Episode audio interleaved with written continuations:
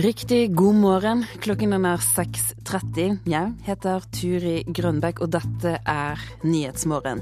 Vi skal snakke med Arbeiderpartiets Helga Pedersen, for ledelsen i partiet åpner for tvang i spørsmålet om kommunesammenslåing.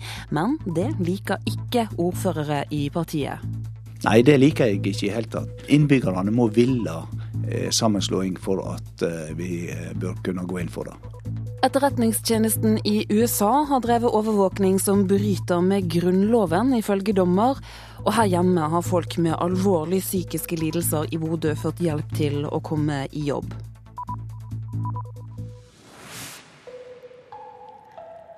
Alt dette får du mer om her i eh, Nyhetsmorgen. Aller først nå så skal det handle om tvangssammenslåing av kommuner, som flere ordførere sier de ikke kommer til å åpne for. Blant annet Arbeiderparti-ordfører Per Lerøy i Austrheim kommune i Hordaland. Han har følge av 54% av Arbeiderpartiets ordførere, som har svart på NRKs kommuneundersøkelse. Jeg eh, kommer til å være imot eh, tvangssammenslåing uansett. Kommunen huser bare rundt 2800 innbyggere, men likevel synes ordføreren i Austerheim kommune det er vanskelig å se klare fordeler ved kommunesammenslåing. Per i dag så har vel vi i hvert fall like gode tjenester, om ikke bedre tjenester enn nabokommunene våre. Og vi tror at standarden på en del av de tjenestene vil gå ned hvis vi slår oss sammen til en stor kommune. Og så vil han ikke havne på sidelinja. Og så er vi redd for og Det tror jeg eh, innbyggerne deler med meg, den eh, skepsisen til å bli en utkant i en stor kommune. Nå er vi i full innspurt her med budsjettet, og det er stramt. 46 mil øst og litt sørover sitter ordfører Kjell Trygve Grunsvoll midt i budsjettforhandlingene. Han er nå så uvanlig som en Senterpartiordfører som sier ja til tvang for å slå sammen kommuner. Skal du få gjennomført en kommunereform, så må det være et ris bak speilet på en måte at det skal gjennomføres. Senterpartiet i Gjerstad har laga et eget notat om kommunesammenslåing, der de konkluderer med at de må være åpne for forslag til sammenslåing. Ordføreren sjøl bruker bl.a. dette argumentet. Tjenesteoppgavene blir større. De blir vanskeligere for en mindre kommune å løse alene. De oppgavene vi har per i dag, de klarer vi rimelig godt sjøl. Vi har eh, god kompetanse i alle ledd i kommunen. og leverer som sagt veldig gode tjenester til innbyggerne. Det sier Ap-ordføreren i Austerheim kommune. I overkant av 200 ordførere har svart på NRKs kommuneundersøkelse. Der kommer det frem at 54% av Arbeiderpartiordførerne ikke vil at deres kommune skal slå sammen. 23% sier ja til sammenslåing, mens 23% har svart vet ikke. Lerøy er dermed ikke helt i takt med sin egen nestleder Helga Pedersen, som åpner for bruk av tvang. Hva syns han om partiets holdning? Nei, det liker jeg ikke i det hele tatt. Det må være eh, fornuftige grunner for at man skal slå seg sammen, og innbyggerne må ville eh, sammenslåing for at eh, vi eh, bør kunne gå inn for det. Hva må til for at dere skal kunne støtte en sammenslåing, eller for at du skal kunne støtte en sammenslåing? Ja, altså Jeg vil eh, revurdere mitt eh, standpunkt hvis vi får overført sånne tjenester som videregående skole og tannhelsetjenester, og i tillegg får et langt bedre økonomisk opplegg enn det vi har per i dag. Men enn så lenge har Arbeiderpartiordføreren en klar oppfordring til Arbeiderparti-nestlederen. Jeg eh, vil oppfordre Helga Pedersen til å lytte til innbyggerne i kommunene, og la de bestemme om de skal slå seg sammen eller ei. Reportere her, det var Leif Dalen, Håvard Grønli og Eva Marie Bulai. Oppfordringen til Arbeiderpartiet og Helga Pedersen er altså klar.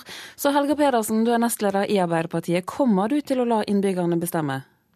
Arbeiderpartiet sitt landsmøte har i hvert fall eh, sagt at eh, sammenslåing eh, som hovedregel skal bygge på lokale ønsker.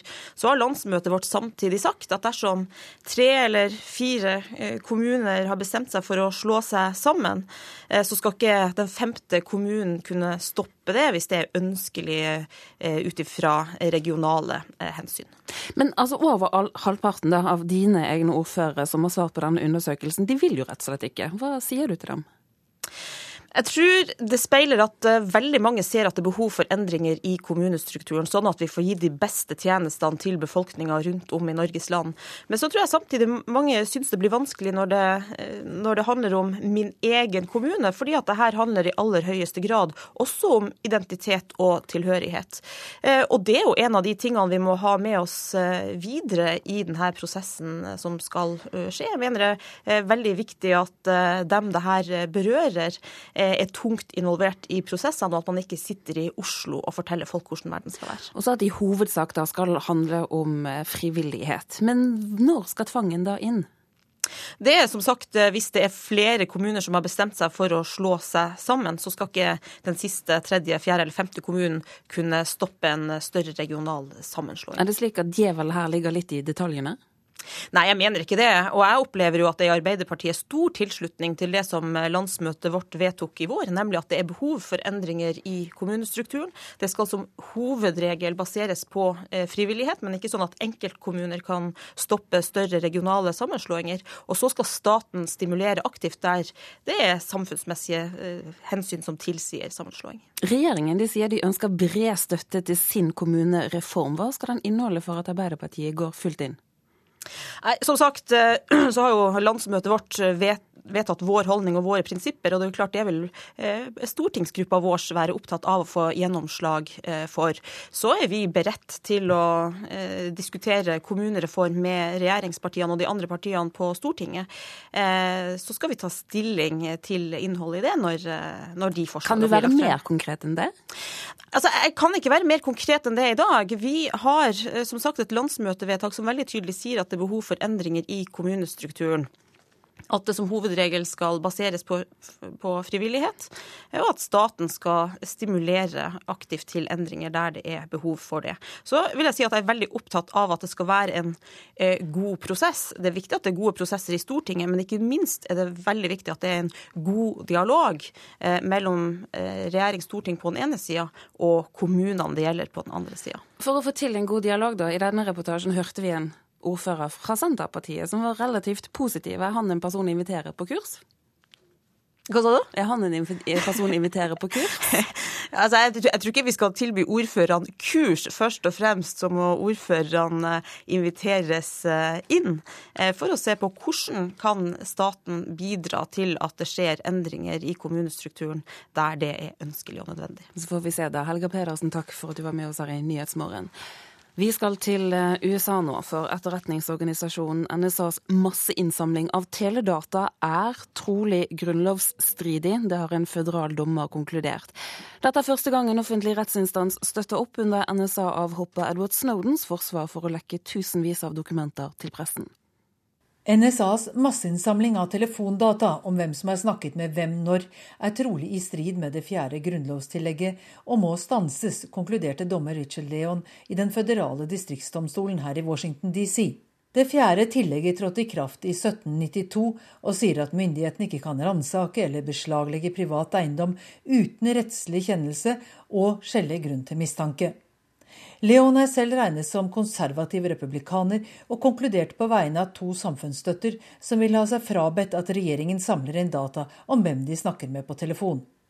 Saken går nå til en appelldomstol, men kan sammen med flere lignende saker ende i Høyesterett. For første gang har Edward Snowden fått prinsipielt juridisk medhold fra offentlig rettsinstans, og dersom dommerens konklusjon blir stående, kan den få store konsekvenser for etterretningsorganisasjonens måte å jobbe på. Søndag foreslo en av NSAs konsulenter å gi Snowden amnesti i bytte mot at han stanser videre lekkasjer, men dette ble i går avvist av presidentens talsmann. Groholm, Washington. Senere i dag møter president Obama representanter for teknologiselskapene Microsoft, Google, Apple og Facebook for å drøfte NSAs datainnsamling. Forrige uke sendte disse fire store sammen med flere mindre selskaper et åpent brev der de ber om en oversikt over hvordan etterretningsorganisasjonen opererer når det gjelder deres kunder.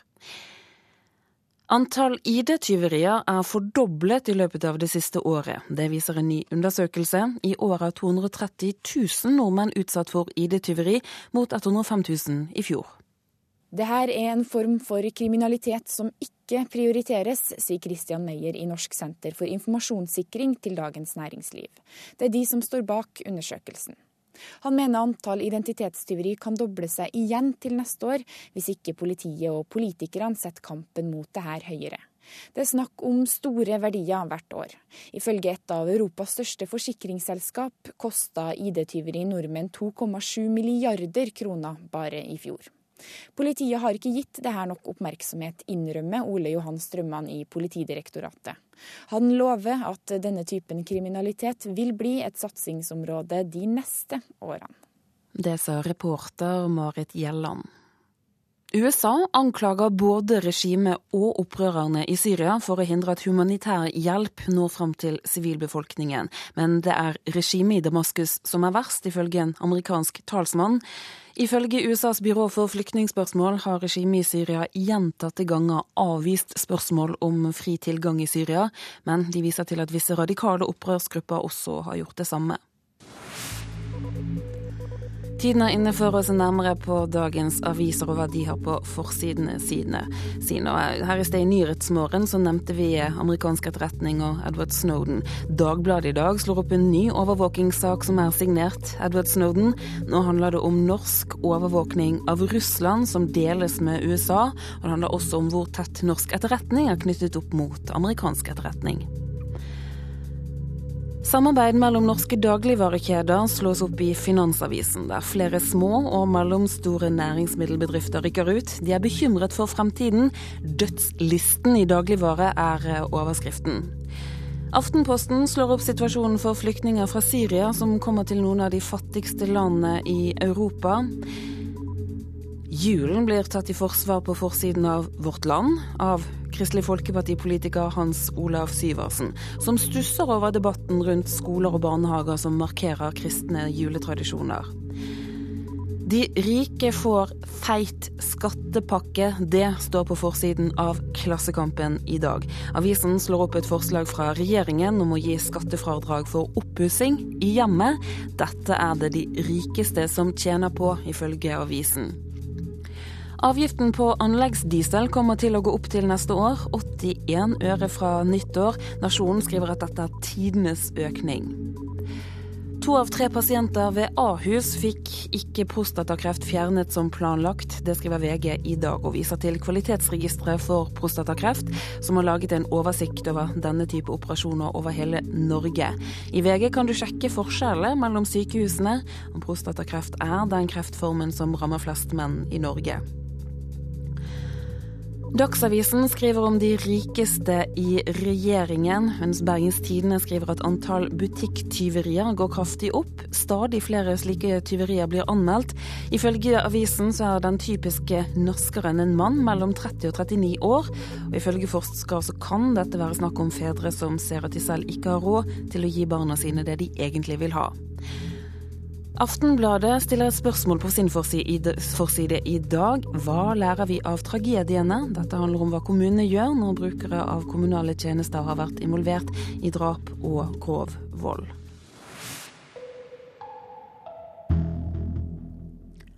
Norge kan snart ikke kalle seg en god hoppnasjon lenger. Det sier Tom Hilde. Det er kun Anders Bordal som har vist en god hoppform denne sesongen. Det er urovekkende, sier landslagshopperen. Det viser jo resultatlisten, at det er litt for tomt bak eh, han. Det sier Tom Hilde, som er en av flere norske hoppere som har slitt med å få til gode resultater i starten av sesongen. Faktisk mener landslagshopperen at gapet mellom Anders Bardal og resten av laget er så stort at Norge snart ikke kan kalle seg en god hoppnasjon lenger. Det er Klart at Det er ikke så veldig mange renn til som skal til på samme nivå før før vi ikke har noen god hoppnasjon lenger. Ja, det ser litt uh, tynt ut. Innrømmer landslagstrener Alexander Støkkel. Han mener mye av årsaken er at konkurrentene rett og slett er blitt bedre. Uh, nivået har økt ganske mye. Det er veldig tett. Du ser nå på helgen hadde du Neustadt. Det er ti meter mellom første og tredjeste plass. Det er ikke mye. Nå samles landslaget for en uke med intensiv trening før en kort juleferie, og så hoppuka. Hilde er optimistisk og mener det ikke er mye som skal til før flere av de norske hopperne er oppe på nivået til Bardal. Det er kort vei opp til det Bardal holder på med, men akkurat nå er det ingen av oss som får det ut. Da må vi nesten bare ta, ta tida til gode og håpe at eh, den treninga vi får gjort i Oberstdorf, eh, gjør susen. Reporter, det var Kristine Norvik Skeide. Norge møter vertsnasjonen Serbia i kvartfinalen i VM. Heksegryta der man kan forvente seg i Beograd på onsdag, passer de rutinerte norske spillerne godt. For masse folk og mye leven, det motiverer. Ja, jeg er vant til det, så det er bare bra. Det sier Heidi Løke, for på onsdag venter vertsnasjonen Serbia i kvartfinalen i VM til det som kan bli litt av ei heksegryte i Beograd. Om det østeuropeiske publikum, de er gode. Masse folk på tribunen og skikkelig, skikkelig Champions League-stemning, tror jeg. Sier Nora Mørk, for fulle tribuner passer de norske spillerne godt. Flere har mye erfaring fra mesterliga og mesterskapskamper hvor mye står på spill, og hvor det er skikkelig trøkk på tribunen. Ja, det blir, det blir kjempegøy å få komme til til Beograd, og det er forhåpentligvis en del folk på tribunen. Så da spørs det bare om de norske supporterne klarer å bryte lydmyren i Beograd. Tror du håndballens venner får kjørt seg på tribunen der hvis eh, det blir Serbia? Ja, men jeg tror vi kommer til å høre de norske supporterne nå, altså. Det tror jeg. Men eh, de serbiske, det er, eh, det er mye lyd der, altså. Ja, reporter her var Kristine Norvik Skeide. Klokken den er straks 6.46. Du lytter til Nyhetsmorgen. Dette er noen av hovedsakene våre i dag. Arbeiderpartiledelsen åpner for tvang i spørsmålet om kommunesammenslåing, men møter motstand blant egne ordførere. Amerikansk etterretning har drevet overvåking som bryter med Grunnloven, ifølge en amerikansk dommer og bli med oss videre i sendingen. For TV-seriene de har Netflix, musikken har fått Spotify. Snart kan også norsk teater strømmes på nett.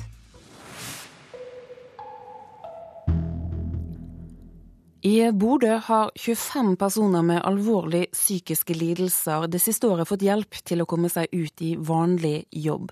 Gjennom prosjektet Ut i jobb får jobbsøkerne hjelp og støtte på veien, og jobbsøkingen starter gjerne mens de ennå er innlagt i psykiatrien. Nei, det er ikke kommet for Fant du ut av det? Midt i den hektiske førjulstida på Bodø bakeri tar Anne Enge seg tid til å smake på baksten. De var kjempegode. 27-åringen har fått hjelp til å komme seg ut i jobb etter å ha vært innlagt i psykiatrien en periode. Hun ønsker sjøl å jobbe akkurat her, og stortrives i kontorjobben sin blant brød og bakere. Enge kom tidlig inn i prosjektet Kom i jobb, og dermed ble ikke hullet i CV-en altfor stort. Ja, det er jo klart. Jo lengre tid det går, jo, jo mer tenker du på at å, jeg kommer aldri ut i jobb fordi jeg har, har vært syk. Det er knapt et år siden Nordlandssykehuset i samarbeid med Nav og Bodø kommune starta med å hjelpe folk med psykiske lidelser ut i jobb. Bodø er én av sju byer i landet der gamle holdninger om at pasienter ikke kan jobbe, skal snus på hodet. Psykologspesialist Beate Brinkmann leder prosjektet. Vi har jo en nasjonal utfordring i Norge på at vi, det er for mange unge som får uføretrygd. Og mange av de har en psykisk lidelse.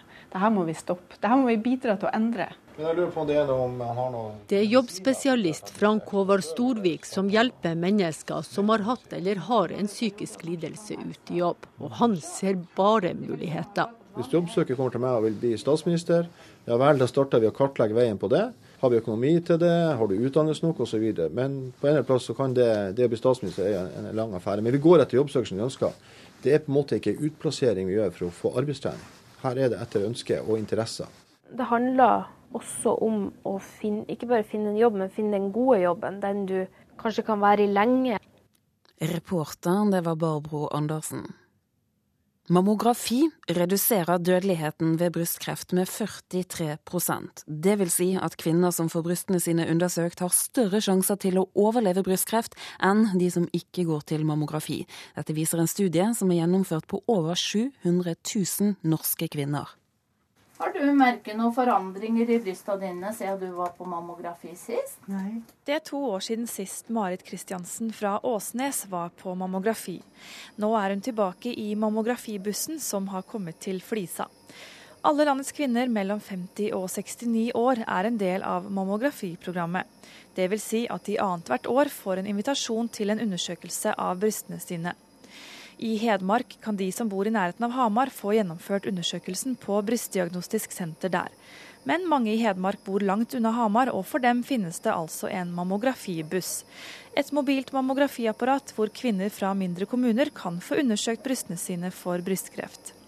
I bussen på Flisa stiller radiografene Line Sørlunden og Vjolka Ponosjeni inn apparatet for å undersøke Marit Kristiansen. Synker godt sammen i brystkassa di. Brystet og trekke forsiktig tilbake. Jeg sitter i klemma nå, ja. Hvorfor kommer du til mammografi? Jeg syns det er betryggende å få kontrollert det regelmessig. Og etter hormoner så er det enda mer viktig. Men det er ikke alle som gjør som Marit Kristiansen og kommer til undersøkelse hver gang invitasjonen kommer i posten.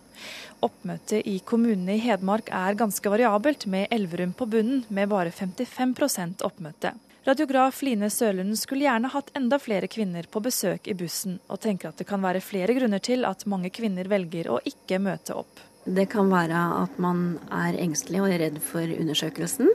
Eh, det kan være at man går privat. Det kan være kvinner som rett og slett ikke ønsker å møte til mammografi. Og at man har tatt et standpunkt. Og vi vet jo altså sånne ting som eh, været kan påvirke undersøkelsen. For kvinner vil rått ikke ut og kjøre når det er ekstremt glatt, f.eks. Og da kan det være det at man kanskje bare utsetter det, og ikke kommer. I dag er det både glatt og skikkelig ruskevær på Flisa, men det har Marit Kristiansen altså trosset. Fordi for henne er det viktig å benytte seg av det gode tilbudet hun får. Og det er eh, lettvint da bussen kommer. at du, Det tar meg en halvtime å reise hit. Tur-retur. En ny studie som er utført på 700 000 norske kvinner i løpet av 15 år, viser at mammografi reduserer dødeligheten av brystkreft med 43% Blant kvinner som møter til mammografi, er det over 100 færre dødsfall enn det ellers ville vært. Et veldig gledelig resultat, sier radiolog ved det brystdiagnostiske senteret ved sykehuset i Hamar, Hanne Rosenkvist. Dette er jo veldig flotte resultater. Det har vært noen litt motstridende eh, studier tidligere. Men denne undersøkelsen viser jo helt tydelig at, eh, at de kvinnene som møter til undersøkelsen, for dem er eh, risikoen for å dø av brystkreft betydelig redusert. Nå håper både Rosenkvist og Sørlunden at de gode forskningsresultatene gjør at flere kvinner møter opp til mammografi. Jeg håper at resultatene av undersøkelsen gjør at, at kvinner blir mer klar over hvor viktig det er å faktisk møte opp til mammografi når man får den invitasjonen. Så det er viktig å oppfordre kvinnen til å møte, at, at de kommer. For vi er her for dere. Reporteren var Vivian Stensrud. I Danmark kan man strømme teater på nettet slik man strømmer TV-serier på Netflix og musikk på Spotify. Og nå er et dansk selskap i Stavanger for å filme sin første norske forestilling, og håper den blir gjort tilgjengelig på nett og TV. Men planen er litt å ha jo i hvert fall tre kameraer her nede, inn i midten. Et dansk kamerateam har inntatt Rogaland teater nå eh, er det mm, tolv eh, dansker her med masse kamera som skal eh, ja, montere de ulike kameraene. Både faste kamera og, og håndholdte kamera rundt om i salen her. Teatersjef ved Rogaland teater, Arne Nøst, har nemlig fått besøk av den danske teaterstrømmetjenesten Theater, som skal filme sin første norske teaterforestilling.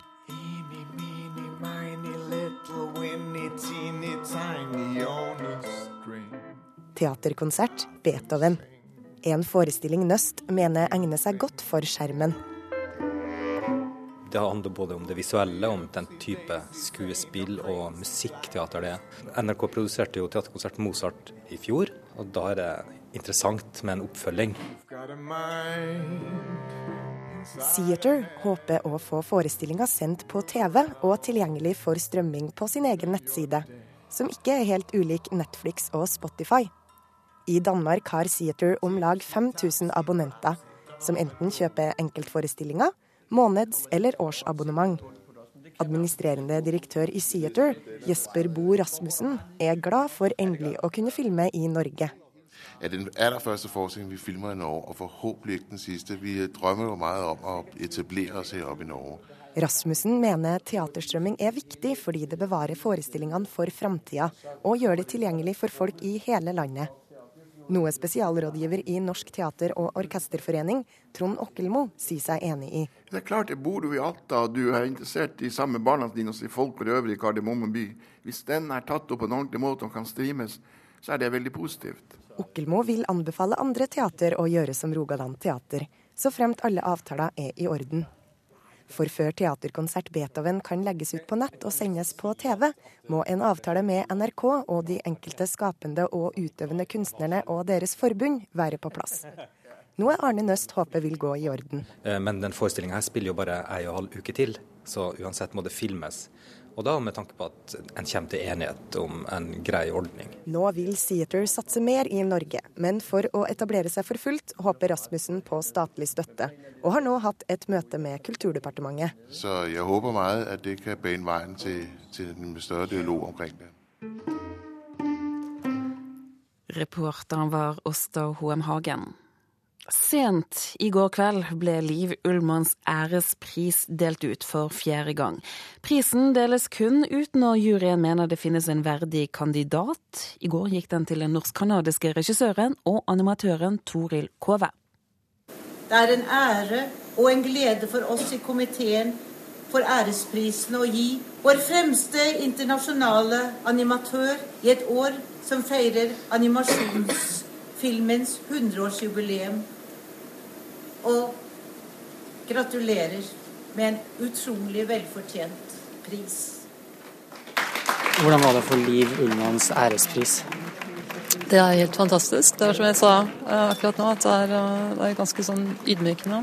Jeg er i kjempegodt selskap med Anne Dahl Torp og Anja Breien og Margrethe Olin.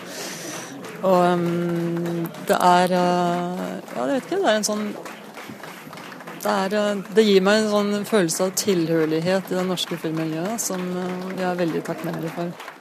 Toril Kove er mest kjent i Norge som kvinnen bak den Oscar-vinnende animasjonsfilmen 'Den danske poeten', som vant i 2007. Liv Ullmanns ærespris er på 100 000 kroner og deles ikke ut i utide. Kun når juryen mener det fins en verdig kandidat. Ja, og det er jo helt utrolig at jeg syns det er veldig, veldig hyggelig. Jeg er litt sånn, jeg vet ikke riktig hva jeg skal si, ja. men det er, um, det er veldig stort. Jeg er veldig glad for det. Tror du den vil bety noe for din videre karriere? Altså Det den betyr allerede, det er at det er så inspirerende å få en sånn støtte. Det er, uh, det er en veldig stor oppmuntring til å fortsette å drive med det jeg driver med. Um, og det hadde jeg nok gjort uansett, men uh, det er veldig um, inspirerende at um, uh, det jeg har gjort hittil, blir anerkjent på denne måten. Mm. Og så det Liv Ullmanns ærespris, som deles ut av henne personlig på hennes 75-årsdag. Det også. Det også. Det er helt fantastisk. Og det er også et veldig stort privilegium å være på denne festen, som har vært så fin. Så, ja. Gratulerer. Jo, tusen takk skal du ha. Det føles som bursdagen min også. takk. Det sa prisvinner Toril Kove. Reporteren var Gjøte Toftaker. Her i Nyhetsmorgen nå skal vi ta med oss et værvarsel som gjelder frem til midnatt. Starter med fjellet i Sør-Norge. Der blir det sørvestlig, lite, sørvestlig kuling utsatte steder. I vestlige strøk småbyger, men lettere vær i ettermiddag. Østlandet, Telemark på kysten sørvestlig liten kuling. Fra i ettermiddag frisk bris og oppholdsvær. Agder enkelte regn- og sluddbyger i vest først på dagen, men ellers oppholdsvær. Vestlandet sør for Stad sørvest opp i stiv kuling, periodevis sterk kuling nord for Feie. Regn og haglbyger lokalt med torden, og det blir snø over 200-500 meter. Møre og Romsdal og Trøndelag sørvest periodevis liten storm på kysten. Fra i ettermiddag litt minkende. Det blir regn og haglbyger lokalt med torden og snø over 200-500 meter. Nordland sørvestlig vind, på kysten opp til sterk kuling. I kveld minkende i sør. Det blir regnbyger og snø i indre og høyere strøk, og muligheter for torden lokalt. Troms sørvestlig liten kuling på kysten. Fra i kveld opp til sterk kuling. Enkelte regnbyger og snø i indre og høyere strøk. Finnmark dreining til vestlig liten kuling på kysten. I ettermiddag dreiende sørvestlig og noen sluddbyger vest for Nordkapp, ellers oppholdsvær. Og Norunnsjøland på Spitsbergen sørøstlig stiv kuling utsatte steder, sludd- og snøbyger. Temperaturene som ble målt klokken fire, viser fem plussgrader på Svalbard, Kirkenes minus to, én plussgrad i Vardø, det var det også i Alta. To grader i Tromsø, Bodø fire, Brønnøysund fem grader. Trondheim tre, Molde fire grader, Bergen sju, Stavanger seks, Kristiansand to, Gardermoen én, Lillehammer minus to, Røros minus sju og Oslo to grader.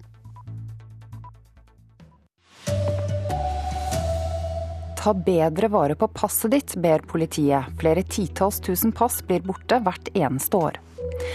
Hemmelig dokument viser hvordan Oslo havn vil ødelegge for bryggearbeiderne. Her er NRK Dagsnytt klokken sju. Over 30 000 norske pass er blitt borte eller stjålet i år. Det er omtrent dobbelt så mange som for ti år siden. En del av disse passene blir solgt til kriminelle, sier seksjonsleder eh, Per Haddal ved Nasjonalt ID-senter. Ja, det er helt åpenbart. Vi vet at dette er snakk om forholdsvis store pengebeløp. Det blir omsatt i forbindelse med alt fra menneskehandel, eh, trafficking, narkotikahandel, terrorisme Eh, organisert, eh, grenseoverskridende kriminalitet. Det, er ikke noen grense for hva slags tyve, hva motivet kan være for å operere med falsk identitet.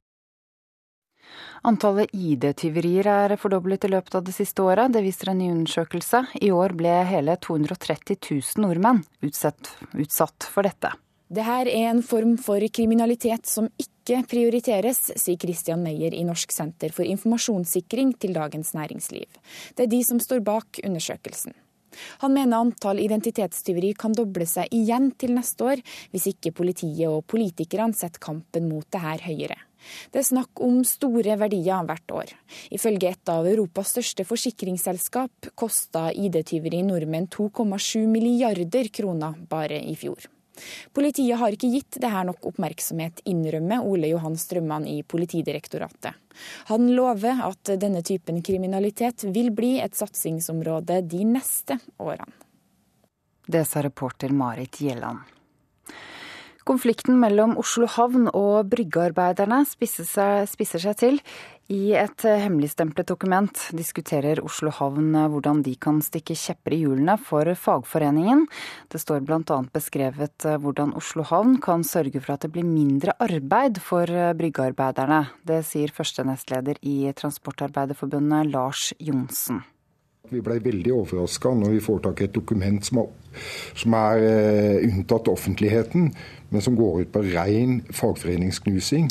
Målet er helt klart å, å fjerne havnearbeiderne fra Oslo havn. Også det som ligger i ILO-konvensjonen 137 om fortrinnsrett til uh, havnearbeid, det ønsker de å fjerne. De ønsker å fjerne vår rett til arbeid. Det er det som er hele intensjonen med dette.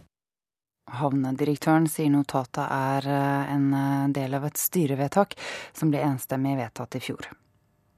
NRK Dagsnytt, Ida Creed.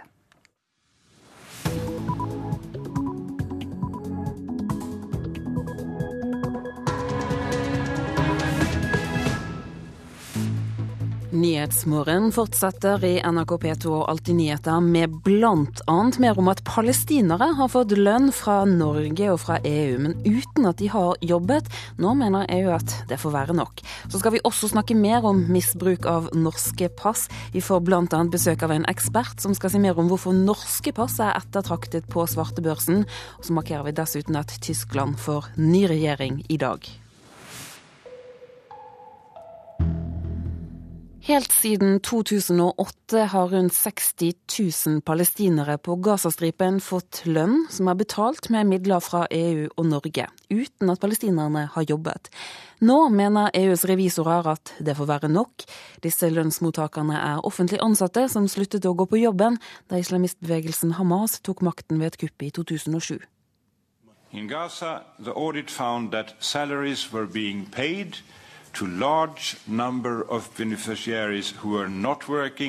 Lønninger betales til folk som ikke jobber av politiske grunner, sier Hans Gustav Westberg fra ECA, altså EUs revisorer.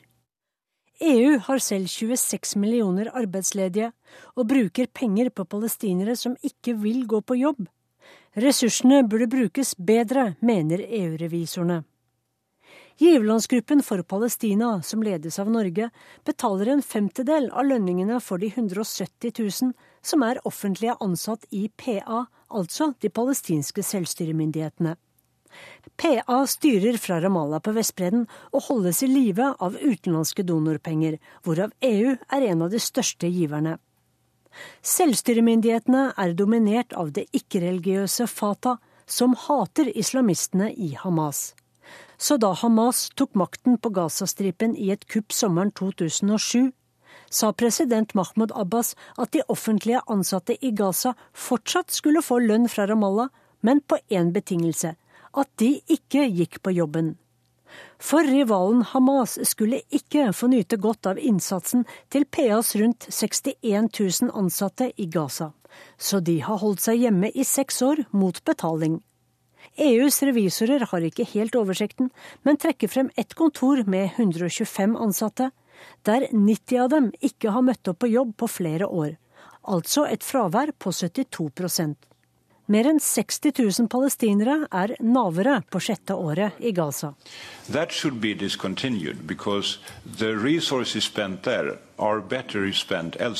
Dette bør avsluttes, for pengene kan brukes bedre annensteds, ifølge EU-revisor Westberg. EU har brukt 8 milliarder kroner på Gaza mellom 2008 og 2012. Revisorene mener at å betale folk for å sitte hjemme ikke er forenlig med EUs mål å bygge en palestinsk stat. I den samme perioden har Norge bidratt med 1,5 milliarder i budsjettstøtte til PA. En del av disse pengene brukes i Gaza på vann, strøm og lønninger. Men politisk sett mener EU at dette er riktig. Om de ikke får lønn, kan de fanges opp av ekstreme grupper, sier EU-kommisjonens talsmann Peter Stano. Og hva mener utenriksminister Børge Brende om at Norge er med på å lønne 60 000 palestinske offentlige ansatte som ikke har gått på jobb på seks eller sju år? Jeg tror alle som hører på nå, eh, er enig i at det er ikke en god løsning. De humanitære behovene både i Gaza og på Vestbredden er store. De trenger flere sykepleiere, de trenger flere leger, ikke minst flere lærere eh, for barna. Og norske bistandsmidler skal gå til det. Så vil du si til eh, de palestinske selvstyremyndighetene i Ramallah at de må slutte å betale disse folkene som må sitte hjemme? I eh, Palestina og i Ramallah så er jo de palestinske lederne veldig opptatt av Eh, for det første å få balanse i sin egen økonomi, for de driver med store underskudd. Og de er også opptatt av å bruke pengene fornuftig eh, på humanitære utfordringer. Det som vi eh, vil da understreke overfor myndighetene i Palestina, er at når det gjelder norske bistandsmidler, så skal de gå til tiltak som da forbedrer situasjonen for folket i Palestina. Og da er det ikke bærekraftig å bruke norske midler, i alle fall, eh, til eh, utbetaling til eh, lønn til folk som da ikke er på jobb. Så dette må vi da gjennomgå, og vi vil ta opp det med de palestinske myndighetene. Syns du det er litt rystende at Norge har vært med på å betale nå i flere år deler av lønninger til folk som må sitte hjemme og ikke gjøre noe? Nå har jeg akkurat overtatt uh, i uh, dette uh, departementet. Nå skal vi se på det og iallfall gjøre klart at det ikke skal være praksisen fremover. Det tror jeg det blir også lett å få med palestinske myndigheter på at norske penger ikke skal brukes til. Men det må jo også ses i den sammenheng at da Hamas foretok et kupp i da 2007 eh, så var det titusenvis av med palestinere som over natta ikke kunne gå på jobb. Og så skulle dette være en midlertidig løsning. Men nå har det jo gått mange år, og da er det jo ikke fornuftig med de store humanitære utfordringene som man også har, ikke minst på Vestbredden, at pengene skal gå til utbetalinger til lønninger til noen som da ikke eh, nødvendigvis dukker opp på jobb. Eh, vi vil iallfall da gjøre dette klart overfor eh, myndighetene. Ja, det sa utenriksminister Børge Brende til vår reporter Sissel Wold. Over 30 000 pass er meldt mistet eller stjålet i Norge hittil i år. Tallet på pass som er borte er doblet på ti år. Spesialister tror at en del av dem blir solgt og misbrukt av kriminelle. Men på flyplassen på Gardermoen på vei til Australia passer Anne Cecilie Davies på familiens pass. Jeg har det ganske nært, men jeg har det ikke på meg. Jeg har det i ei veske eller i en bag som jeg stort sett bærer på hele tida. Når du er ute og reiser, hvor er det du passet ditt tar? Eh, I det hemmeligste rommet i veska. Og der er det ingen som får tak i det? Eh, nei, for det er en sånn lomme midt i veska. Men ikke alle passer like godt på. For hittil i år er over 30 000 norske pass blitt borte. Det er omtrent dobbelt så mange som for ti år siden.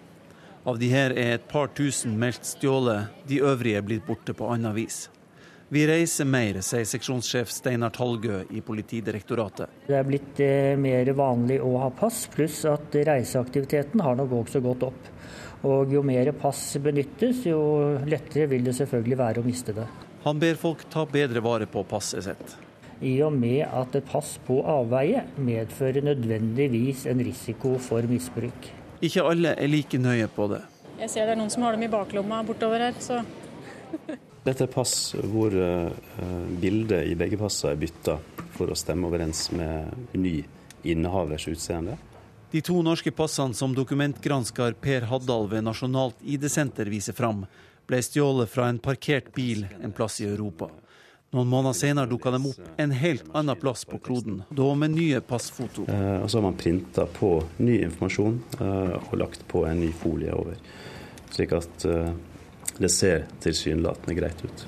Hvor har du passet ditt? Da har jeg det i en egen lomme i veska mi, som ligger liksom i midten. I en rekke tilfeller så har man jo look-alike-problematikken. Hva er det? Det er at passet benyttes av en annen enn innehaveren, men som har tilstrekkelig likhet med vedkommendes bilde i passet, slik at han kan bli tatt for å være passets rette innehaver. Og hva kan være problemet med det? Eh, det er at en annen opptrer da i ditt navn. Og hvis eh, vedkommende begynner å bestille varer i ditt navn etc., etc., og foreta seg handling i ditt navn og legitimere seg i ditt navn, så kan jo det innebære en rekke ubehageligheter for deg. Eller at folk får adgang til eh, Norge som ikke skulle hatt det? Ved, som ulovlig innvandring, ja. Reportere her, det var Fredrik Lauritzen og Kjartan Rørslett. Per Haddal, du er altså dokumentgransker og seksjonsleder ved Nasjonalt ID-senter. Og I innslaget her så fortalte du om misbruk av norske pass. Hvor vanlig tror du at slikt misbruk er? Uh, vi sliter med uh, dårlig statistikkgrunnlag uh, for dette her. Vi vet at mellom 600 og 650 000 pass utstedes årlig. Eh, av de så er altså nesten 5% på avveie. Eh, det er, et, eh, det er et veldig stort tall. Særlig når du tenker på at en misbrukt identitet fort kan koste samfunnet tosifra millionbeløp. Hvordan da? Ved f.eks. misbruk av velferdsgoder, eh, kriminell aktivitet. Eh, vi ser i dag i Dagens Næringsliv at 230 000 nordmenn i løpet av 2013 er utsatt for eh, ID-tyveri. Så dette kan bli dyrt for samfunnet? Dette kan bli dyrt. Dette er dyrt for samfunnet. Norske pass, hvorfor er de spesielt ettertraktet? Eh, det er klart Norge er et, eh, som et av landet, det er verdens rikeste land eh, med et veldig avansert velferdssystem. Inneholder mange muligheter for misbruk. Men generelt kan man, kan man si at pass fra den rike delen av verden er attraktive. Og så er det altså snakk om over 30 000 norske pass som har forsvunnet hittil i år. Hvor blir de av? Ja, det vet vi ikke. Vi har ikke noe tall på det. Vi i Nasjonalt ID-senter jobber med å bedre statistikkgrunnlaget. Men hva tror du? Jeg tror at en stor del av disse passene eh, blir misbrukt. Eh, jeg tror at en stor del av passene blir, eh, de forsvinner til f.eks. til utlandet og blir solgt for store penger til organisasjoner eller personer som ønsker å smugle mennesker, som driver trafficking narkotika, kriminalitet, eh, terrorisme og annen organisert kriminalitet.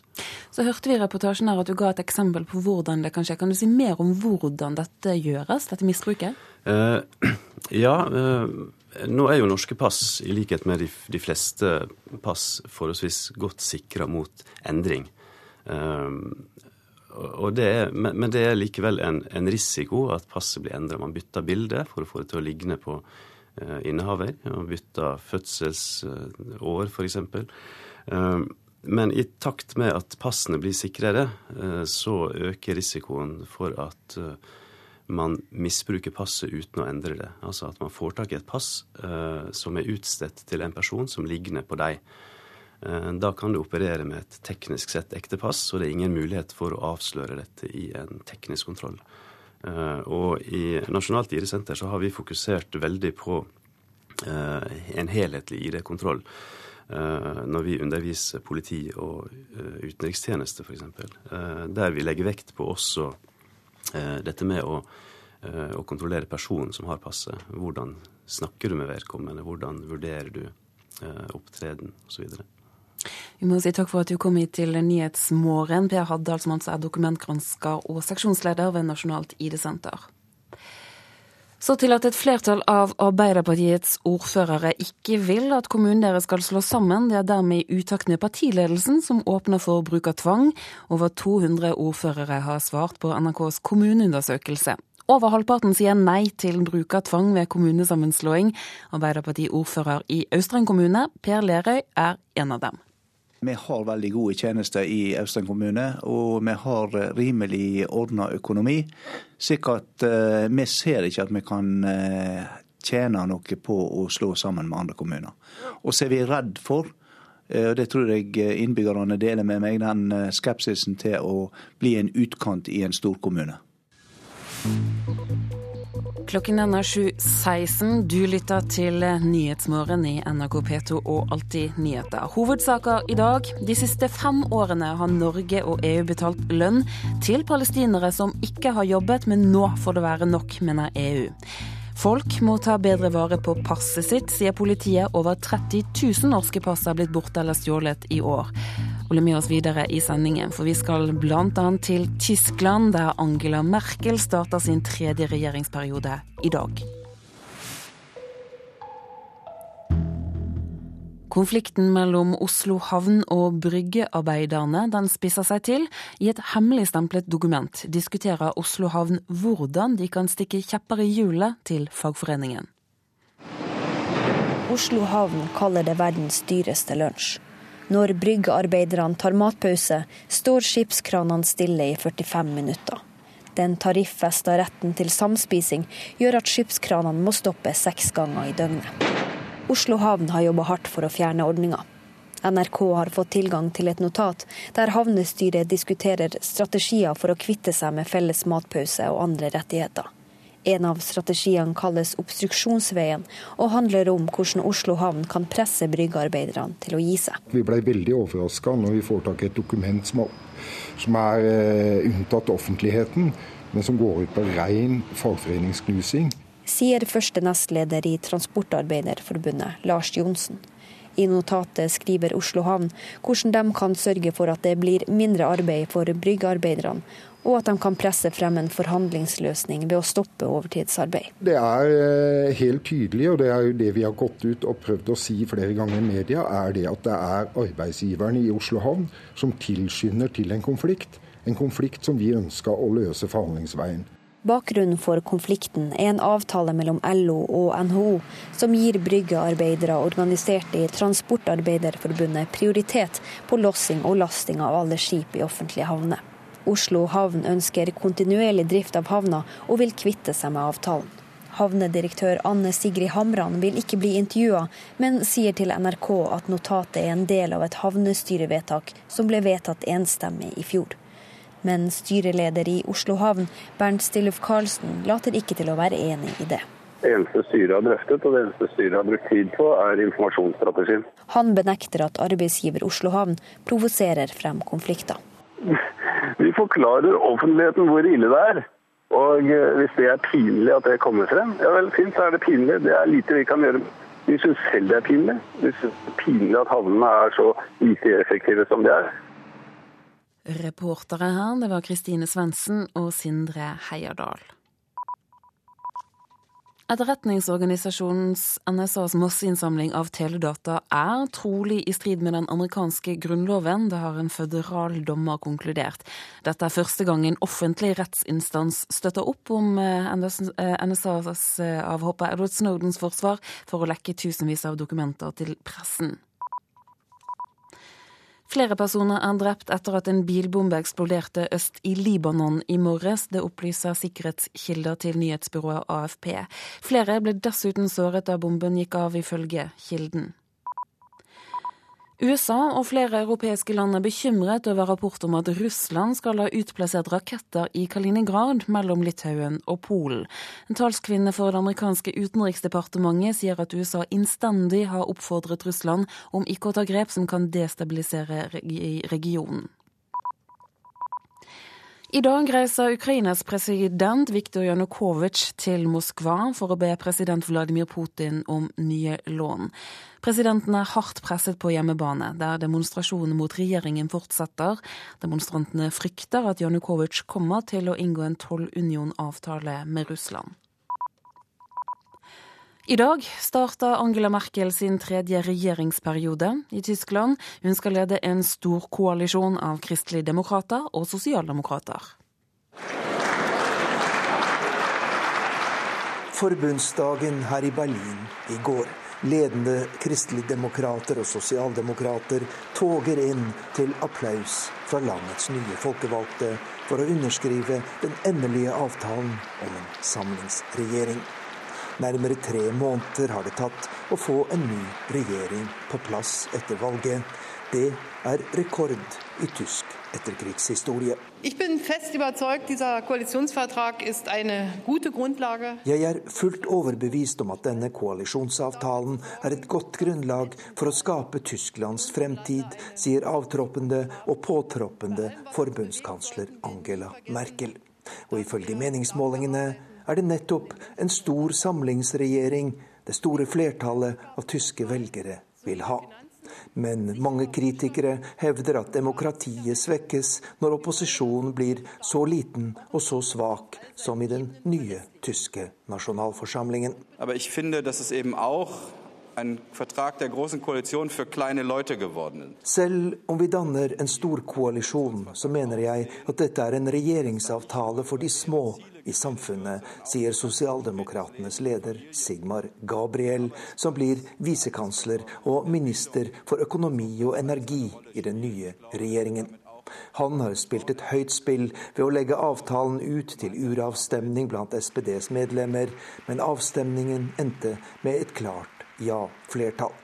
Og i regjeringsforhandlingene har partiet fått gjennomslag i saker som lovfestet minstelønn, mer fleksibel pensjonsalder og dobbelt statsborgerskap.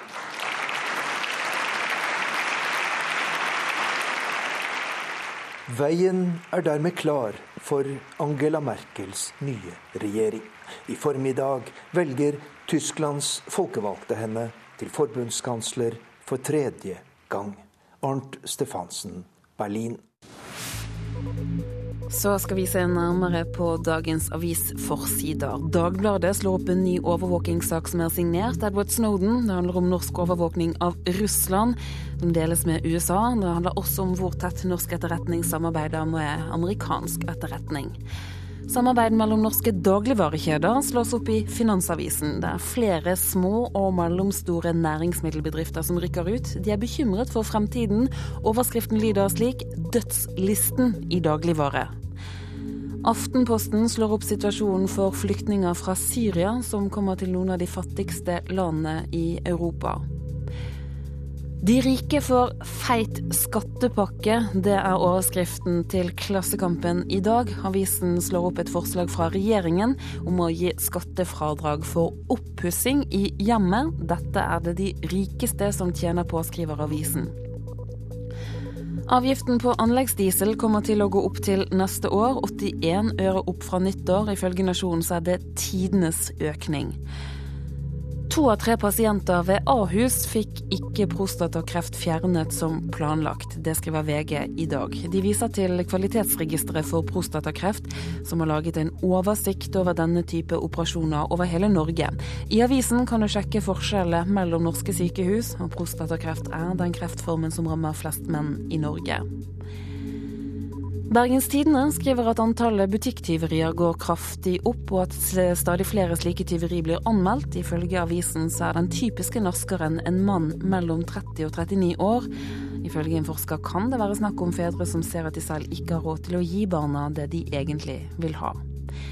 Og julen den blir tatt i forsvar på forsiden av Vårt Land i dag. Det er KrF-politiker Hans Olav Syversen som går ut, fordi han stusser over debatten rundt at skoler og barnehager markerer kristne juletradisjoner. Vi skal snakke mer om jul, vi nå, for eh, i fjor var det mange som ble rørt da Reidun Aarseth satte inn en annonse i Aftenposten og spurte om å få lov til å delta i en julefeiring mot betaling. I år har Røde Kors satt i gang en aksjon der de som ønsker å ta imot en ekstra gjest på julaften, kan melde seg, men det er få ensomme som har meldt seg for å ta imot tilbudet. Å, vær så god, kom inn i dette vakre snøværet. her bor vi i Vestfossen, da. Ja. Og her eh, har vi da gjerne lyst til at det skulle komme noen da, vet du, og feire jul med oss. Mona Lisa Lieng bor i et stort, brunt hus i Vestfossen sammen med familien sin. Hun er en av 23 i Buskerud som har meldt seg frivillig til å ta imot en eller flere gjester hun ikke kjenner på julaften. Og hun er godt forberedt. Du har pynta juletre. Ja, veit du. Det syns jeg var så artig. Jeg gjorde det i forrige sammen med barna. Da er det jul, altså. På kontoret i Røde Kors-huset i Drammen sitter daglig leder Mariann Morken og prøver å koordinere besøkende. Det viser seg at det er langt flere som ønsker besøk rundt bordet, enn de som ber om å få komme. Det er nok ikke så lett å ringe og si at man er enslig eller ensom på julaften. Hos oss i år så er det fem stykker som har meldt seg til å gjerne ville gå på besøk. Men er du sikker på at behovet er så stort, da? Hvis det er sånn at det bare er fem stykker som har meldt seg? Ja, det sies jo det at én av ti melder jo at de er ensomme. Da da, ta fram gitaren. Om det kommer noen her, da, så får de sett den her, i hvert fall. Så du har tenkt å spille og synge på julekveld? Pleier ja, du det? det? Det gjør vi hvert år. Ja. På julekvelden hjemme hos oss, da er det storebrors julesang. Vinternatta hviler over enga Mona Lisa er vokst opp i en familie der de åpna hjemmet sitt på julekvelden. Det var spennende hvem som kom. Og det var aldri noe negativt. Det var sånn at folk, eh, sånn som oss ungene, seks unger, ikke sant, hund og katt, men vi tok oss sammen. Da var det jo da måtte vi være, Nå kom det folk, og nå skal vi ete julemat og kose oss og dele det vi hadde. Det var helt fantastisk. Og det er liksom, det er jul for meg, da. At vi var samla, og ikke minst at vi åpna opp huset for de som kanskje ikke hadde noe sted å være. Så jeg, det det jeg tenker at jeg vet at vi, kan, vi har en fin jul hjemme her, og jeg vil dele det med noen. Delt av oss sjøl, da. Det er det jeg har lyst til. Men hvordan tror du det blir, da? Jeg tror det blir kjempekoselig. og sønnen min er jo to gutter. Enen er jo bare ett år, så han skjønner ikke så mye, da. Men han på eh, ti, han skjønner mye. Og vi har snakka mye om det, og han, eh, han gleder seg. Får du bedre samvittighet? Du, det der er litt sånn fælt spørsmål, du veit det. jeg skal være ærlig og si ja. For det er tosidig. Jeg føler at jeg eh, får bedre samvittighet, og at det gjør meg og familien min vel. Samtidig som jeg føler at det er vel for de som kommer hit. Det er unge mennesker som har tatt kontakt med Røde Kors for å få feire julekvelden hos noen de ikke kjenner. De er mellom 18 og 41 år. Ikke overraskende, mener Mariann Morken. Det viser at ensomhet fins i alle aldersklasser. Er det for seint å spørre om å få lov til å komme hjem til noen? Vi har mange. Og ta gjerne kontakt direkte med meg på distriktskontoret her i Buskerud, så skal vi virkelig prøve å få kobla deg. Du, her skal vi dekke til herlig, flott julebord. Da skal vi ha kalkunen her og ribba her. Ja. Og den her, her. Ja, det er, det er nok plass. To, fire, seks, åtte, ti her, og så kan vi jo få flere òg. Hva vil du si da til de som kvier seg for å be om å få lov til å komme hjem til noen de ikke kjenner på julekvelden? Det er ingenting å kvie seg for. Komme hjem til oss og få en fantastisk julefeiring. Jeg lover deg. Det kommer til å være den beste jula du har hatt. Vær så snill å ta kontakt. Jeg skal love dere en utrolig uforglemmelig opplevelse. Kom til meg, med andre ord. Kom til meg! Og reporter her, det var Karoline Bekkelund Hauge. Du lytter til Nyhetsmorgen i NRK P2 og Alltid nyheter. Om et kvarter så blir det Politisk kvarter. I dag så er det statsminister Erna Solberg som er gjest.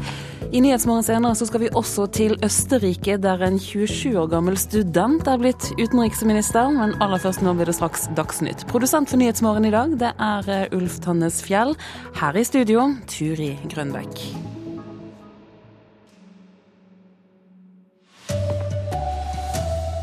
EU og Norge betaler lønn til tusenvis av offentlig ansatte på Gaza som ikke jobber. Over 30 000 norske pass er blitt borte i år. Mange av dem havner i hendene på kriminelle. Og Senterpartiordfører åpner for å tvinge kommuner til å slå seg sammen. Her er NRK Dagsnytt klokken 7.30. I flere år har EU og Norge vært med på å lønne rundt 60 000 offentlig ansatte palestinere som ikke har vært på jobb. De sluttet å gå på jobben da islamistbevegelsen Hamas tok makten i Gaza i 2007. Og nå mener EUs revisorer at det får være nok. Salaries were being paid Lønninger betales til folk som ikke går på jobben av politiske grunner, sier Hans Gustav Westberg fra ECA, altså EUs revisorer, som mener at dette må stanses. Giverlandsgruppen for Palestina, som ledes av Norge, har gitt milliarder av kroner i budsjettstøtte til de palestinske selvstyremyndighetene de siste årene. Dette er penger som brukes til å lønne offentlige ansatte på Vestbredden og i Gaza. Selvstyremyndighetene på Vestbredden hater islamistene i Hamas, som styrer på Gazastripen. Da Hamas tok makten ved et kupp i 2007, sa president Abbas til sine 61 000 Gaza-ansatte at dere skal fortsatt få lønn, men dere får ikke lov til å jobbe for Hamas. Dermed har rundt 60 000 offentlige ansatte sittet hjemme med full lønn i snart sju år. Dette må ta slutt, mener EUs revisorer, ECA. Pengene kan anvendes langt bedre, mener revisor Westberg. Utenriksminister Børge Brende mener også at støtten til palestinerne kunne vært bedre anvendt. Når det gjelder norske bistandsmidler, så skal de gå til tiltak som da forbedrer situasjonen for folket i Palestina. Og da er det ikke bærekraftig å bruke norske midler, i alle fall, eh, til eh, utbetaling til eh, lønn til folk som da ikke er på jobb. Så dette må vi da gjennomgå, og vi vil ta opp det med de palestinske myndighetene. Reporter Sissel Wold. Over 30 000 pass er meldt mistet eller stjålet i Norge hittil i år. Tallet på pass som er borte er doblet på ti år, og spesialister tror en del av dem blir solgt og misbrukt av kriminelle. Men på flyplassen på Gardermoen på vei til Australia passer Anne Cecilie Davis på familiens pass. Jeg har det ganske nært, men jeg har det ikke på meg. Jeg har det i ei veske eller i en bag som jeg eh, stort sett bærer på hele tida. Men ikke alle passer like godt på. For hittil i år er over 30 000 norske pass blitt borte. Det er omtrent dobbelt så mange som for ti år siden. Av de her er et par tusen meldt stjålet, de øvrige er blitt borte på annet vis. Vi reiser mer, sier seksjonssjef Steinar Talgø i Politidirektoratet. Og Jo mer pass benyttes, jo lettere vil det selvfølgelig være å miste det. Han ber folk ta bedre vare på passet sitt. I og med at et pass på avveie medfører nødvendigvis en risiko for misbruk. Ikke alle er like nøye på det. Jeg ser det er noen som har dem i baklomma bortover her, så Dette er pass hvor uh, bildet i begge passene er bytta for å stemme overens med ny innehavers utseende. De to norske passene som dokumentgransker Per Haddal ved Nasjonalt ID-senter viser fram, ble stjålet fra en parkert bil en plass i Europa. Noen måneder senere dukka de opp en helt annen plass på kloden, da med nye passfoto. Så har man printa på ny informasjon uh, og lagt på en ny folie over. Haddal, som har bakgrunn fra Kripos, tror òg at en del pass rett og slett blir solgt. Det blir omsatt i forbindelse med alt fra menneskehandel, narkotikahandel, terrorisme, eh, organisert eh, grenseoverskridende kriminalitet. Det er et, eh, et betydelig samfunnsproblem. Reportere her var Fredrik Lauritzen og Kjartan Rørslett. Vi må åpne for tvang hvis kommunereformen skal lykkes. Det mener Senterpartiordfører Kjell Trygve Grunsvold i Gjerstad i Aust-Agder. I NRKs kommuneundersøkelse svarer over halvparten av ordførerne at eh, kommunene selv skal få bestemme om de vil slå sammen, men Grunsvold er for tvang. Skal du få gjennomført en kommunereform, så må det være et ris bak speilet på en måte at eh, det skal gjennomføres. Mannen som sitter bak ordførerpulten på kommunehuset i Gjerstad, er noe så uvanlig som en Senterpartiordfører som sier ja til tvang for å slå sammen kommuner. Over halvparten av de over 200 ordførerne som har svart på NRKs kommuneundersøkelse, krever at kommunene må ha mulighet til å takke nei. Jeg eh, kommer til å være imot uh, tvangssammenslåing uansett. Det sier Arbeiderpartiordfører i Austrheim kommune, Per Lerøy. Til tross for bare rundt 2800 innbyggere har han vanskelig for å se fordeler ved en større kommune. Vi har veldig gode tjenester i Austein kommune, og vi har rimelig ordna økonomi.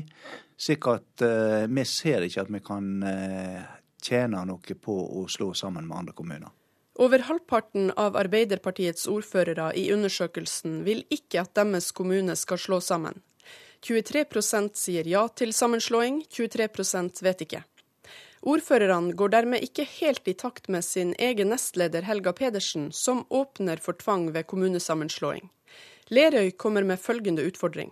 Jeg eh, vil oppfordre Helga Pedersen til å lytte til innbyggerne i kommunene, og la de bestemme om de skal slå seg sammen eller ei. Og sånn her svarer Pedersen. Arbeiderpartiet sitt landsmøte har sagt at uh, sammenslåing uh, som hovedregel skal bygge på uh, lokale ønsker.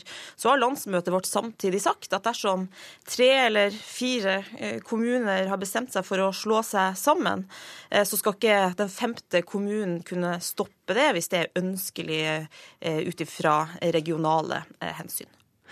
Og statsminister Erna Solberg kommer til Politisk kvarter på P2 klokken 7.45 for å snakke om dette. Reportere var Leif Dalen, Håvard Grønli og Eva Marie Bulai. Det er full krangel mellom Oslo havn og bryggearbeiderne som jobber der. I et dokument diskuterer Oslo havn hvordan de kan stikke kjepper i hjulene for fagforeningen. Arbeidsgiverne kaller det verdens dyreste lunsj. Når bryggearbeiderne tar matpause, har de tariffesta rett til å spise sammen, og skipskranene står stille i 45 minutter seks ganger om dagen.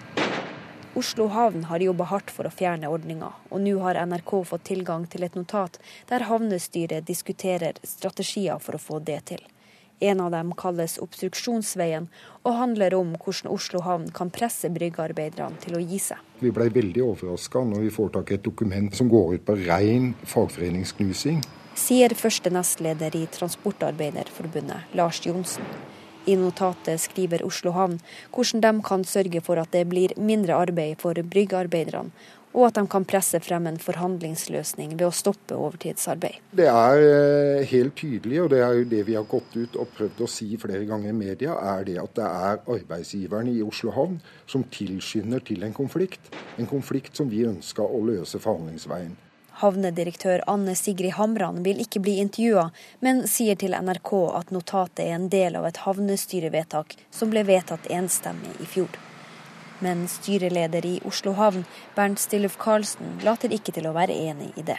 Det eneste styret har drøftet, og det eneste styret har brukt tid på, er informasjonsstrategien. Han benekter at arbeidsgiver Oslo havn provoserer frem konflikter. Vi forklarer offentligheten hvor ille det er. Og eh, hvis det er pinlig at det kommer frem, ja vel, fint, så er det pinlig. Vi syns selv det er pinlig at havnene er så lite effektive som de er. Reporter eh, Kristine Svendsen og Sindre Heierdal. Håndball nå. Heksegryta eh, man kan vente seg i kvartfinalen i VM i Beograd i morgen, passer de rutinerte norske spillerne godt. For masse folk og leven motiverer dem.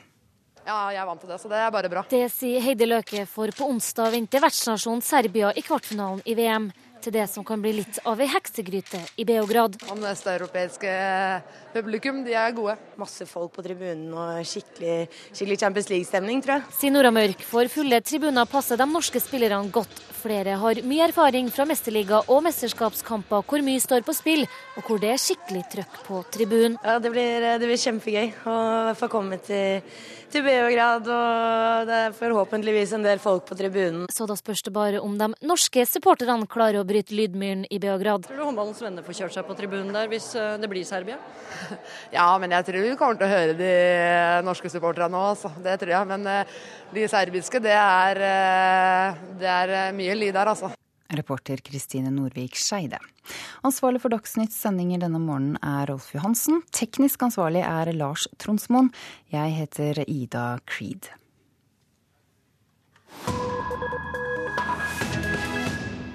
I Nyhetsmorgen de neste minuttene skal vi til Østerrike, for i går tok en ny regjering fatt på arbeidet. Og det som har fått absolutt mest oppmerksomhet, er den nye og svært unge utenriksministeren. Vår reporter Hans Christian Hansson har laget denne reportasjen. Han trives godt i rampelyset. Men nå tar Sebastian Kurz steget opp på en helt ny scene. Da Østerrikes nye regjering ble tatt i ed i går, ble 27-åringen utnevnt til ny utenriksminister. Han blir ikke bare den yngste utenriksministeren noensinne i Østerrike, men den yngste i hele EU. Jeg tror vi trenger en politikk hvor alle kan være med, uansett hvor man kommer fra, hvor gammel man er, hvor lang erfaring man har, om man vil bli yrkespolitiker, om man er insider eller ikke. Vi trenger en politikk hvor det er plass til alle, sa 27-åringen da han holdt en tale til partivenner tidligere i år. Kurz ble med i det konservative folkepartiet ØVP som tenåring. Siden har det gått rett til værs. Allerede i 2011, bare 24 år gammel, fikk han innpass i regjeringen som statssekretær. Han fikk ansvar for integrasjonssaker, og det solide arbeidet hans har blitt lagt merke til. Aller Anfang ist schwer. Enhver begynnelse er vanskelig. Jeg tenker da ikke bare på min egen begynnelse som statssekretær, det var virkelig en utfordrende tid, men hele starten på et politisk engasjement. Det å snuse på en politisk organisasjon, det å gå dit for første gang. Jeg kan selv huske da jeg som 16-åring fikk ideen om å sjekke ut politikken. Bare litt over ti år senere er han den politiske lederen for et av de tyngste departementene i Wien. Sebastian Kurz er i sannhet det konservative partiets største stjerne, og den politikeren i den nye samlingsregjeringen som legges aller mest merke til.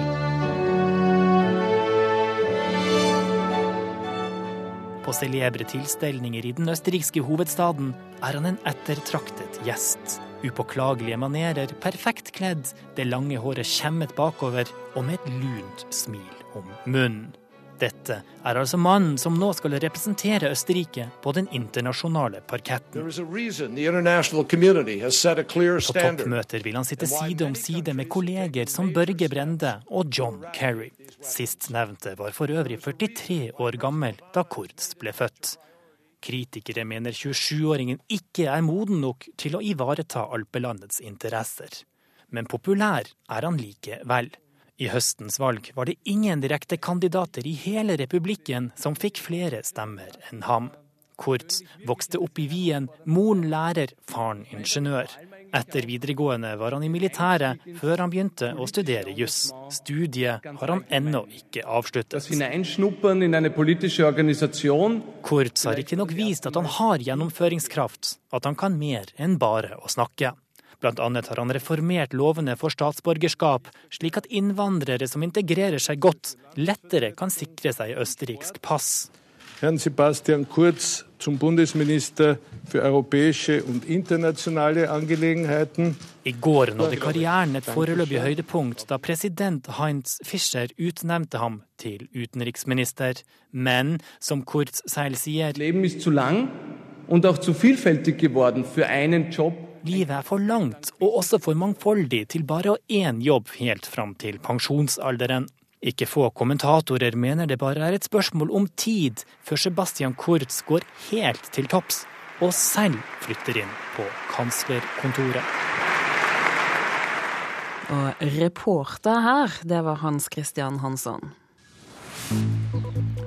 Du lytter til Nyhetsmorgen i NRK P2 og Alltid nyheter. Klokken er 7.44. Noen av hovedsakene denne morgenen er at EU og Norge betaler lønn til tusenvis av offentlig ansatte på Gazastripen som ikke jobber.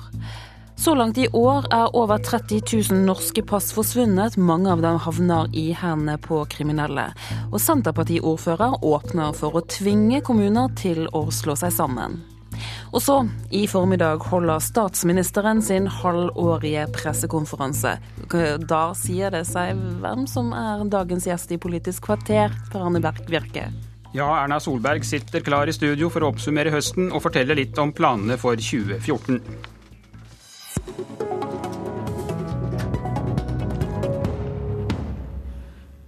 Denne uka tar det politiske Norge juleferie, og for første gang er det Erna Solberg som i formiddag skal holde statsministerens tradisjonelle halvårige pressekonferanse.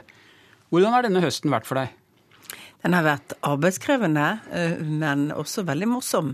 Det er klart at eh, både valgresultatet, eh, resultatet av sonderinger og forhandlinger, var både krevende å få til, men det var også morsomt å få det til.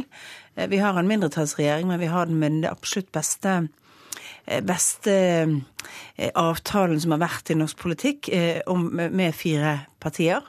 I tillegg så syns jeg at regjeringen har fått en god start. Vi er kommet godt i gang med arbeidet. Vi leverer på det vi sa vi skulle, skulle gjøre gjennom budsjettet og gjennom arbeidet vårt hver dag. Ja, Moro å få det til, eh, sier du, men det gikk vel ikke helt som du hadde håpet. Hvor stort nederlag var det for deg at Venstre og KrF valgte å stå utenfor regjeringen? Jeg var jo veldig forberedt på at det kunne være vanskelig å få til en firepartiregjering. Mitt ønske var det. Mitt ønske kommer fortsatt til å være en bred borgerlig regjering i årene fremover. Men eh, når det ikke var mulig, eh, så hadde jeg vel vært rasjonell nok til å vite at det var, var, vanskelig å få til.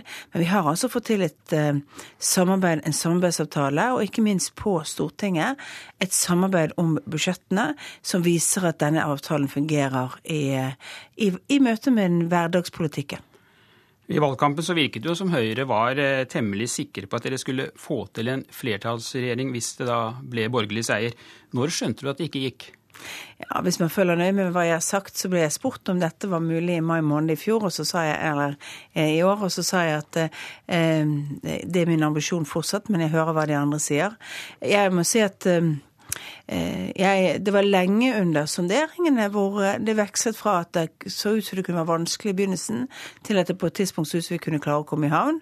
Og til slutt så var det vel eh, erkjennelsen av at størrelsesforholdene var, litt, var, var for store til at alle ville føle seg bekvemme med å sitte i regjering, og at man da heller ville vise at man kunne samarbeide gjennom et samarbeid mellom regjering og storting. Er det et mål for deg at Venstre og KrF skal gå inn i regjeringen i løpet av denne fireårsperioden? Det er opp til de. Den avtalen vi har, åpner for det, men det er helt opp til de to partiene.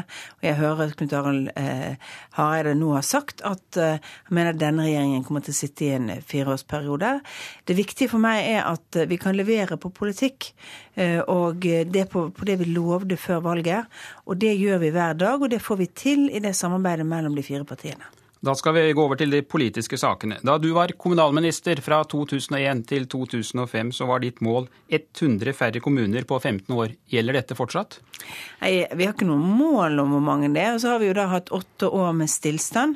Jeg husker at det var et ganske stort arbeid som ble gjort i 2004-2005 rundt omkring i alle kommunene for å diskutere dette. Det stoppet jo helt opp med den rød-grønne regjeringen. Derfor er det vanskelig å levere på et sånn målsetning eh, i 15-årsperspektivet fra da. Men eh, det jeg sa den gangen var at for å få dagens oppgavefordeling til å fungere, ja, så eh, ville nok 100 eh, færre kommuner gjort kommunesektoren betydelig bedre. Så diskuterer ikke vi bare dagens opplegg, vi diskuterer også hvilke oppgaver skal kommunene i fremtiden ha. Eh, og det syns jeg er et av de spennende perspektivene for å få mer lokaldemokrati. Mindre sentralstyring, mer lokaldemokrati, hvor flere oppgaver beskyttes ute i kommunene. Men da krever det større kommuner. Ja. Og nå er det altså du som sitter med makten ved hjelp av støttepartiene i Stortinget. Og er det fortsatt slik at du håper å få en betydelig reduksjon i antallet kommuner i løpet av de årene du skal styre Norge? Ja, Hvis vi bare har ambisjoner om at jeg skal få styre noen perioder, så tror jeg vi skal få dette til. Men uh, det er klart at uh, det vi gjør nå, er å sette i gang en prosess. Uh, diskutere først med Stortinget, og så ute i kommunene. og kommunalministeren kommer til å skissere denne prosessen både overfor Stortinget og for øvrig etter hvert. men det viktige for oss er at vi diskuterer hvordan blir norsk offentlig sektor bedre for innbyggerne? Og ikke minst, hvordan gjør vi den bedre for de svakeste? Det er de som trenger kommunene mest i Norge, det er de menneskene som har størst behov. Det er psykisk ø, syke som trenger hjelp i hverdagen sin. Det er multifunksjonshemmede. Det er barnevernet. Det er eldre som trenger hjelp, og de trenger faktisk et stort og bredt fagmiljø som kan møte de med god kvalitet. Og det er den diskusjonen vi bør ha nå. Jeg syns altfor lett vi havner i diskusjonen om hvordan vi tegner grenser, istedenfor å snakke om hvordan skal de menneskene som trenger det offentlige Norge mest, hvordan skal de få en bedre hverdag. Men nå er det vel dere politikere som har snakket om at man skal tegne kartet på nytt. og eh, jeg må spørre deg, Er det mulig å få til dette uten tvang? Når du hørte Nyhetsmorgen i går og i dag ordførere som da slåss for kommunen sin og ikke er noe interessert i å slå seg sammen med naboen? Jeg tror at det er veldig viktig at hvis vi skal få dette til uh, uten tvang, så må vi altså diskutere hvorfor gjør vi dette. Uh, hvordan lager vi tjenestene bedre? Hva er det? Er det ikke sånn at uh, de svakeste i Norge fortjener å møte kompetente, dyktige fagfolk som har kunnskap på det området de er? Og det sier seg selv at når en tredjedel av landets kommuner er under 3000 innbyggere, så er det vanskelig rett og slett å møte bredden i behov. Det betyr ikke at de folkene som, som jobber der, ikke er gode, men de kan rett og slett ikke være overmennesker. De kan ikke ha kompetanse på alle de feltene de kan komme til å møte i sin kommune. Men ser du at det kan bli en ganske tung pedagogisk eh, oppgave ute i lokalsamfunnet dersom du skal få til dette ønsket om eh, større kommuner og mer robuste kommuner, som dere vel også har kalt det? Ja, det er en tung eh, pedagogisk oppgave. Men det er viktig at vi da snakker om det som er hovedmålet. Det er å sikre bedre lokaldemokrati, bedre tjenester, særlig for de svakeste. Og det er også å sørge for at Norge, eh, med ny infrastruktur, andre måter å samhandle på, faktisk også må ha en moderne offentlig sektor. Vi skal bruke litt mindre av de menneskelige ressursene i Norge på å administrere oss selv, og litt mer på å gi gode tjenester til de som trenger oss mest. I Stortinget i morgen så har Arbeiderpartiet varslet en rekke spørsmål om likestilling. Og din regjering blir bl.a. beskyldt for å svekke kvinnenes stilling på arbeidsmarkedet. Hvor ubehagelig er det for deg å bli anklagd for å skru likestillingen tilbake? Jeg føler meg ikke noe ubehag ved den eh, argumentasjonen som Arbeiderpartiet fører på dette området. Vi har ulikt syn på hvordan vi sikrer likeverd og likestilling i det norske samfunnet. Og vi har ulikt syn på hvor mye vi politikere skal bestemme i folks hverdag, og hvor mye folk selv skal bestemme i sin hverdag. Jeg har tiltro til at familiene skal få lov å bestemme mer i årene fremover. Jeg tror altså at verden vår blir bedre jo mer beslutningsmakt du har i din egen hverdag, ikke at politikerne overprøver deg. Og så tror jeg også at vi skal gjøre ting enklere i forhold til at færre skal sitte og administrere eh, innenfor offentlig sektor hvordan de ulike familiene gjør sitt valg. Så mener jeg at likestilling dreier seg mye om å styrke troen på at du kan løfte oppgaver, gjøre oppgaver. Det dreier seg om å sørge for at eh, flere velger variert i sin utdanning, sånn at man også får bedre bredde i det norske arbeidsmarkedet.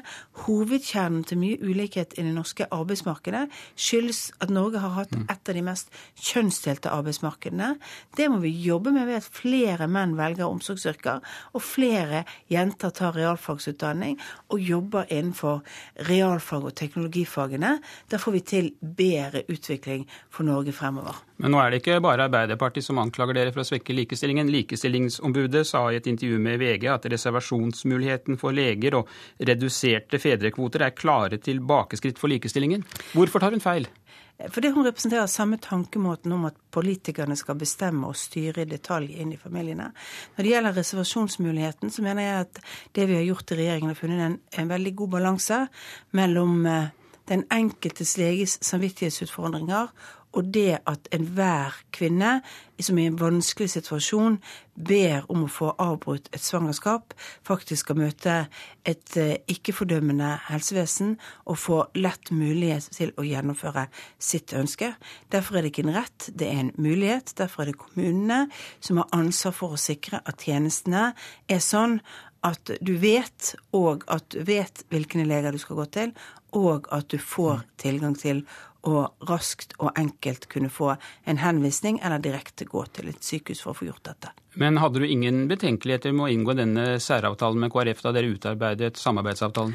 Altså, vi var uenig i en ren og generell rett men det vi så, var jo at Legeforeningen hadde laget en løsning eh, som vi mente vi kunne bygge på, og som ivaretok kvinnens hensyn og samvittighetsspørsmålene for de legene som syns at dette er veldig vanskelig. Og jeg tenker I vårt samfunn så skal vi også få rom til eh, at folk som har samvittighetsutfordringer, skal ha mulighet til å kunne utøve yrket sitt på et så viktig område som spørsmålet om liv og død. Nå har du i høst sagt at det er begrenset hva dere kunne få til i løpet av to måneder. Men nå starter du med blanke ark og skal utarbeide budsjettet for 2015. Eh, Hvor store skattelettelser kan vi regne med? Det kommer jo regjeringen til å ta stilling til når vi har gått igjennom budsjettet. Og som eh, kjent så er det sånn at eh, for vårt vedkommende så har vi alltid sagt at eh, skattelettelsen har ikke forrang foran satsingen på utdanning, infrastruktursatsingen, det å sørge for at helsevesenet vårt blir bedre. Men vi har en ambisjon om å gjøre Norge mer konkurransedyktig. Det dreier seg både om kunnskap, om infrastruktur, det dreier seg om mer penger til forskning, men også å lette lette skattebyrdene både for bedrifter og for vanlige folk. Men sitter du nå og avlyser de omfattende skattelettelsene som finansminister Siv Jensen lovet i valgkampen? Jeg avlyser ingenting. Jeg sier at det står fast på det vi har sagt hele tiden. Men det er en balanse mellom eh, hvordan vi løfter konkurransekraften vår gjennom satsinger på kunnskap og kompetanse, bygge flere veier, sørge for at eh, kollektivløsningene i Norge blir bedre, og å sørge for at eh, byrdene for norske bedrifter blir. Denne karikaturen om at vi bare er opptatt av skattelettelser, er en karikatur tegnet av norsk venstreside. Vi har gjort mer på alle de områdene vi lovet i valgkampen. Mer på veibygging, mer på jernbane, mer på høyere utdanning, mer på skolen. Vi satser på lærerne. Jeg kunne fortsatt lenge. Og så har vi gjort noen viktige eh, endringer i skattesystemet samtidig. Det er mulig å få til begge deler. Ja, Vi bør ikke her bare snakke om hva venstresiden sier, for dere lovet selv en betydelig endring i formuesskatten. Kommer det til å bli gjennomført? Ja, Vi begynte jo nå med å senke satsen i formuesskatten. Eh, og eh, vi kommer til å fortsette med nedtrappingen av eh, formuesskatten, men vi har ikke lovet å fjerne den i denne perioden. Og så vil vi måtte gå gjennom skatt kontra de andre områdene, på samme måte som vi alltid veier hva er viktigst for det norske samfunnet nå akkurat for øyeblikket. Men vi har sagt også at vi har et viktig generasjonsperspektiv. Og i det perspektivet så må vi sørge for at eh, det å investere i norske bedrifter, ja, det blir faktisk viktig og lønnsomt, sånn at vi har et aktivt norsk privat eierskap som bidrar til å utvikle fremtidens arbeidsplasser. Men kan jeg tolke deg sånn nå, Erna Solberg, at det er mye viktigere for dere med offentlig velferd enn skattelettelser? Det som er viktig for oss, er å løfte konkurransekraften. Eh, fremover. Det å sørge for å ta et løft for eldre og syke. Vi har definert åtte viktige prosjekter i vårt, eh, i vårt grunnlag for eh, regjeringen, altså plattformen. Mm. Og alle de områdene er viktige nå, og vi mener at det er mulig å få til begge deler. Både Høyre og Fremskrittspartiet har jo sagt at dere ønsker å modernisere og forenkle byråkratiet. Er det for mange ansatte i departementer, direktorater og annen offentlig virksomhet? Det er ikke antallet ansatte som er det viktigste. Det er spørsmålet om, om, om, eh, alt de gjør eh, er like prioritert. Og jeg mener at vi skal systematisk gå igjennom eh, hele offentlig sektor for å se hvordan kan vi gjøre ting enklere. Hvordan kan vi bruke digitalisering for å bruke færre årsverk. Vi ser jo nå at det er et stort antall timeverk bare på det å digitalisere tinglysning, bostøtteordninger, andre ting som vi kan gjennomføre, som vil bety at vi kan frigjøre arbeidskraft i offentlig sektor. Så vi må passe på at de som jobber i offentlig sektor, gjør det viktigste.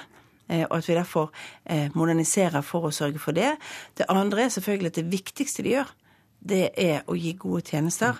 Og vi må flytte folk i offentlig sektor fra å flytte papir til å hjelpe mennesker, fordi vi kommer til å trenge enda flere som jobber med det i offentlig sektor i årene som kommer. Ja, hvor trygge kan de offentlig ansatte være for jobbene sine ut fra det du sier nå?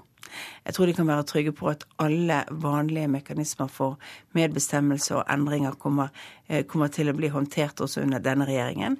Men det vil skje endringer som det har gjort det vil bety at eh, når oppgavene endrer seg, ja, så må man også endre på måten vi organiserer i offentlig sektor. Og vi vil ha færre ansatte som driver med de byråkratiske løsningene. Eh, det som dreier seg om å overprøve hverandre. Det er et mål for denne regjeringen. For det, men det vil ikke mangle på oppgaver i vårt samfunn.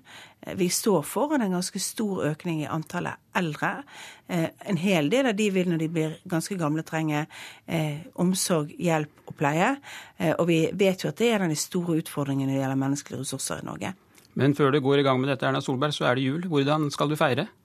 Jeg skal reise til Bergen og gjøre helst så mest mulig det vi gjør hver eneste jul. Jul er jo en tid for tradisjoner. Så da blir det familiefeiring, ja, avslapping, turgåing, frisk luft. Eh, forhåpentligvis også en ganske rolig periode. Takk skal du ha, Erna Solberg, for å komme hit til eh, Politisk kvarter. Og statsministerens pressekonferanse kan dere følge direkte i NRK1 og NRK Alltid nyheter. Og det var eh, Politisk kvarter. Vi er tilbake igjen i morgen til samme tid. Jeg heter Per Arne Bjerke.